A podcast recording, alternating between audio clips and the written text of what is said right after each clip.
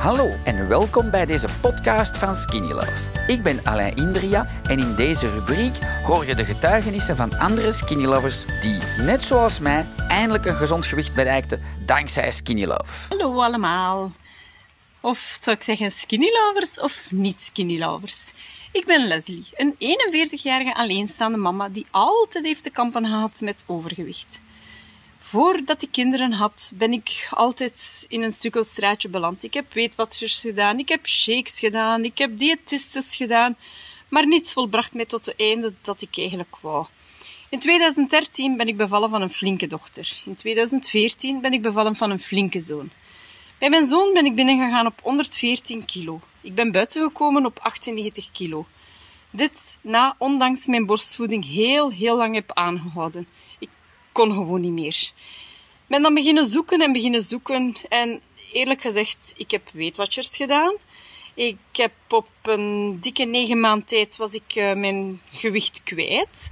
Maar ondanks mijn job was het niet voor mij om punten te tellen, punten te tellen, punten te tellen. Dus ik ben van het ene stukkelstraatje terug in het andere stukkelstraatje beland en al mijn overtollige kilo's die eraf waren, zijn er terug bij. Ik heb dan ook Herbalife gedaan. Allemaal goed, allemaal vlot. Ben ik ook mee afgeslankt. Maar ik heb dan op het punt gestaan een nierblokkage te doen. Dan heb ik eigenlijk de moed een beetje opgegeven. En na 2015, ja, 2016, heb ik contact opgenomen met een specialist, met een arts in Zottegem. En voor een gastric bypass. Ik heb daar consultaties gedaan, maar uh, die arts, toen wetende dat ik op uh, 92 kilo zat, wist mij te vertellen om tot via een terugbetaling van de mutualiteit ik nog 15 kilo moest bijkomen. Ik dacht, ja, een fluitje van een cent, dus eten, eten, eten, eten, en dat zal daar wel snel bij zijn. Oké, ja, ik ben beginnen eten, eten, eten, en op een goede 100 kilo ben ik terug op consultatie moeten gaan, maar het resultaat was, sorry mevrouw, ik kom nog niet in aanmerking voor een terugbetaling. Maar, zei die dokter, je kan in aanmerking komen als je slaapapneu hebt.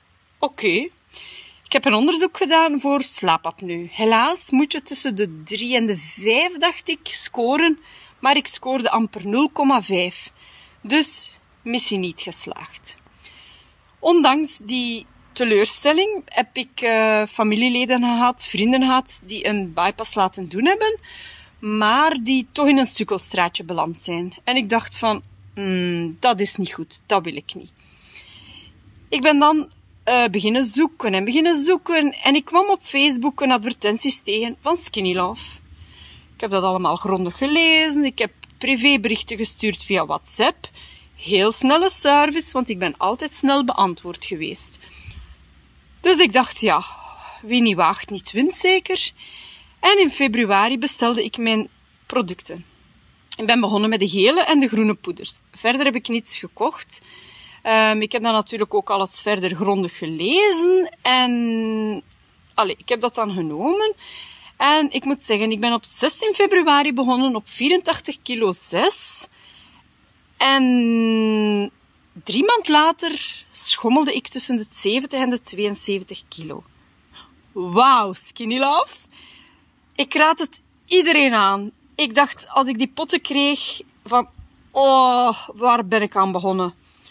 Maar ik moet zeggen, zalig. We zijn ondertussen zoveel maanden verder en ik drink nog altijd in de morgen mijn groene shake.